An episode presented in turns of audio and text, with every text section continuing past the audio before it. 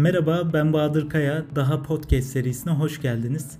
Bu podcast serisinde kariyer ve kişisel gelişim noktasında benim cevabını bulduğum soruları sizlere anlatmaya çalışacağım.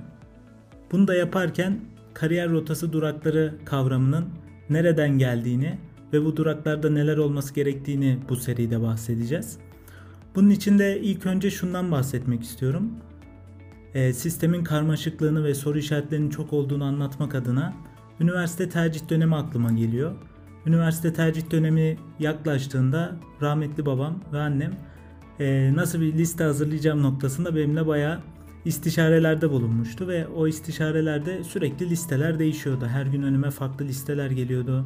Ben ayrıca listeler hazırlıyordum. Arkadaşlarımla buluşup onların babalarıyla işte velileriyle buluşup sürekli nerede okuyalım, ne okuyalım sorularını da cevap arıyorduk.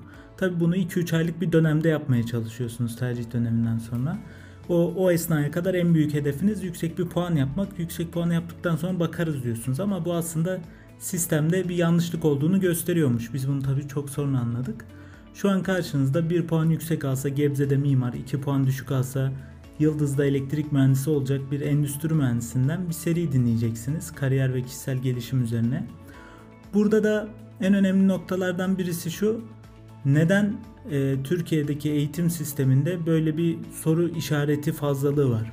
Bunu en iyi şöyle anladım. Endüstri mühendisliği bölümü okuduğum için endüstri mühendisliği bölümü zaten kendi başına birçok soru işaretini birlikte getiriyor. Yani bugün e, belki endüstri mühendisliği kafalarda daha net bir yere oturuyor olabilir ama bizim okuduğumuz dönemlerde bundan e, yaklaşık 10 yıl önce çok net değildi açıkçası. Herkes kendisinin genel müdür olacağına inanıyordu. E, haliyle de e, endüstri mühendisliği bölümü okumaya başlayınca bir baktık ki her alanda, her sektörde, çok farklı alanlarda çalışan insanlar var endüstri mühendisliği adı altında. Bu da kafalarda soru işareti oluşturuyor. Yani ben nerede çalışacağım, nerede istihdam edileceğim ya da nerede çalışmalıyım, neye odaklanmalıyım noktasında. Bu soruların cevabını aramak için de çok yoğun faaliyetler yürüttük. Hem öğrenci kulübü olarak çalıştık hem ben kendim 2012 yılında endüstri mühendisliği özelinde bir oluşum kurdum. Ve bu oluşumu kurduktan sonra fark ettik ki bu sorun sadece endüstri mühendisliği özelinde olmayıp Türkiye'deki üniversite eğitim sisteminden çıkan herkes için geçerli bir sorun. Haliyle de bu sorunu çözmek için e, araştırmalar ve bu konuyla alakalı görüşmeler, profesyonel hayatımızdaki tecrübeler, yurt dışı tecrübelerim, bunun yanı sıra sosyal girişimcilik faaliyetlerim veya sosyal faaliyetlerim birçok sorunun da cevabını öğrenmemizi sağladı. Bu soruları cevabını bulduklarımızın en azından bu podcast serisinde paylaşmayı düşünüyorum. İlk olarak 2013 yılında mezuniyetime bir yıl kala iş arayışım başladı. Çünkü iyi bir üniversitede daha doğrusu bilindik bir üniversitede eğitim görmüyordum. Haliyle de diplomamın benim önümde iyi şirketlere, kurumsal firmalara girmemde engel olabileceğini düşünüyordum. Bu anlamda da bir strateji belirledim ve dedim ki ben şu an son senemi part time olarak bir kurumsal firmada çalışmaya ayırabilirsem en azından mezun olduğumda bir işe girme sorunuyla hemen karşılaşmam. Onun yerine bir şirkette devam ediyor durumunda olurum. Bu da beni rahatlatır diye düşünüyordum. Haliyle de öğrenci kulübü faaliyetleri veya kendi sosyal çevremiz, network'ümüz vasıtasıyla birçok yere CV'mi gönderdim ve bir şirketten görüşme talebi aldım. Daha doğrusu oradaki yönetici gel bir görüşelim dedi. Bunun tabii ben işe alım noktasında mı olacak yoksa tavsiye niteliğinde mi olacak bilmiyordum. CV'mi aldım, takım elbisemi, kunduramı giydim, yola çıktım. Kış aylarıydı. Ümraniye'de, işte Üsküdar'da, Anadolu yakasında karlar erimişti açıkçası ama e, Bağcılar'da o gittiğim yerde karlar erimemişti. E, yerler buzdu kısaca. Yerler buz olunca da otobüsten indiğim vakit bir baktım 500 metre kadar yokuş aşağı bir sokağa yürümem gerekiyor. Dedim bu sokağa nasıl yürüyeceğim? Yani yerler buz, ayakkabım ona göre değil. Dedim ki ben adım adım e, yanda ağaçlar dikili kaldırımda. Kayarım ağaca sarılırım. İkinci ağaca kadar kayarım sarılırım diye düşündüm. Hakikaten öyle 4-5 ağaç geçtim.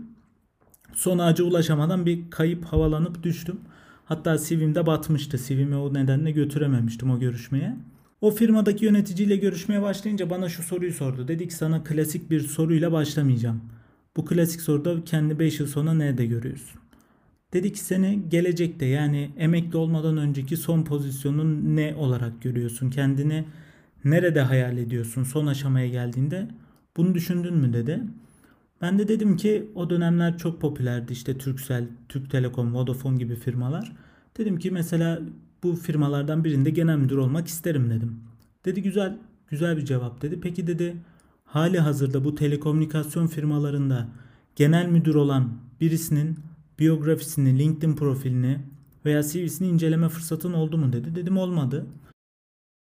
Dedi ki orada aslında kişinin biyografisi sana ulaşmak istediğin hedefe dair hangi duraklara uğraman gerektiğini tarif ediyor dedi. Bu duraklarda tecrübe, kişinin eğitim hayatı, yetenekleri, sosyal faaliyetlerini görebiliriz dedi. Senin de demek ki bu rotayı takip etmen gerekiyor dedi. Ya da bu rotayı örnek alman en azından bu rotadaki sana yakın noktaları kendi rotana eklemen noktasında güzel bir kılavuz olabilir dedi. Mesela bir bankanın genel müdürü olmak istediğini hayal edelim ve bir e, büyük bir firmanın genel müdürünün CV'sinin LinkedIn profilini açmıştı önüme. O LinkedIn profilinde kişinin Türkiye'nin sayılı üniversitelerinden birinde mühendislik eğitimi aldığını gördük ve daha sonrasında yüksek lisansını İngiltere'de finans alanında yaptığını ve proje yönetimi sertifikası olduğunu, 5-10 yıl kadar bankada şube personeli olarak çalıştığını ve sonrasında da strateji ve finans gibi birimlerde 10, 10 yıldan 15 yıldan fazla kariyer yaptığını gözlemledik. Daha sonrasında genel müdür yardımcılığı süreci ve genel müdürlük geliyordu kişinin kariyerinde. Mesela dedi ki sen de bir bankada genel müdür olmak istesen bu profili takip etmen, etmen gerektiğini varsaysak şu anki durumuna göre iyi bir üniversitede bir yüksek lisans yapman gerekiyor. Bir finans master yapman gerekiyor. Bunun yanına e, kişinin sosyal faaliyetlerine baktığımız zaman işte e, çok önemli işte o üniversitenin mezunlar derneği var. O mezunlar derneğinde aktif rol aldığını gözlemliyoruz. Demek ki sosyal ve kültür, e, sosyal ve kulüp faaliyetlerinde aktif rol alman gerekiyor dedi. Bunun yanı sıra tabii kendisi çok iyi bir İngilizce biliyordu. Demek ki bir yabancı dil ihtiyacı da var bu profile ulaşmak için. E haliyle bu ihtiyaçların hepsini, bu yeteneklerin, bu CV'de yer alan her şeyin senin de CV'nde yer alması için bunları kariyer rotana ekle ve öyle bir rota çiz ki bu rota son noktaya ulaştığında senin o hayal ettiğin pozisyona gelsin dedi. Bu benim kafamda çok büyük bir soru işaretini ortadan kaldırmıştı. Çünkü kariyer rotası durakları dediğimiz bu e, kavram da bu hikayeden geliyor.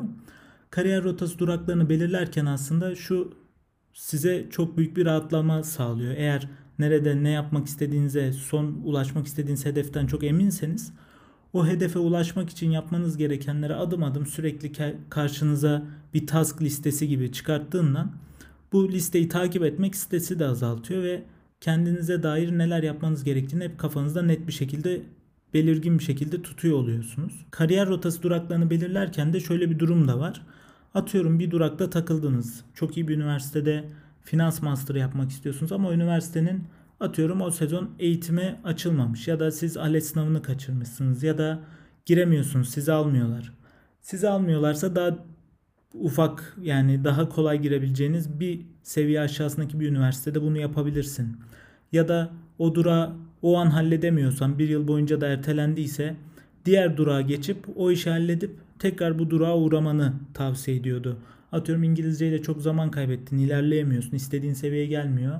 Belki İspanyolca sana daha uygun bir dil. İkinci dilini İspanyolca yapıp ve böylece yoluna hep devam et demişti. Bu, bu anlamda da kariyer rotası durakları ismini bu podcast serisine vermek istedim. İlk aşamada kariyer rotası durakları nedir bunu anlatmak istedim.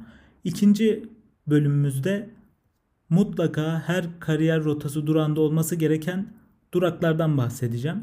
Çünkü Türkiye'deki eğitim sisteminde olmasa da dünyadaki ihtiyaçlar ve sizin ileride çalışacağınız, yöneteceğiniz birimler, projeler olduğunu hayal ettiğimiz zaman bu projeler ve birimler sizden hep bazı şeyleri ihtiyaç olarak bekliyor. Yani herhangi bir işte çalışıp herhangi bir pozisyonda yöneticilik yaptığınızda mutlaka sizde olması gereken yetkinlikler nelerdir? Bunları mutlaka kariyer rotası durağınıza eklemeniz gerektiğini konuşacağız. Teşekkürler dinlediğiniz için. Umarım beğenmişsinizdir.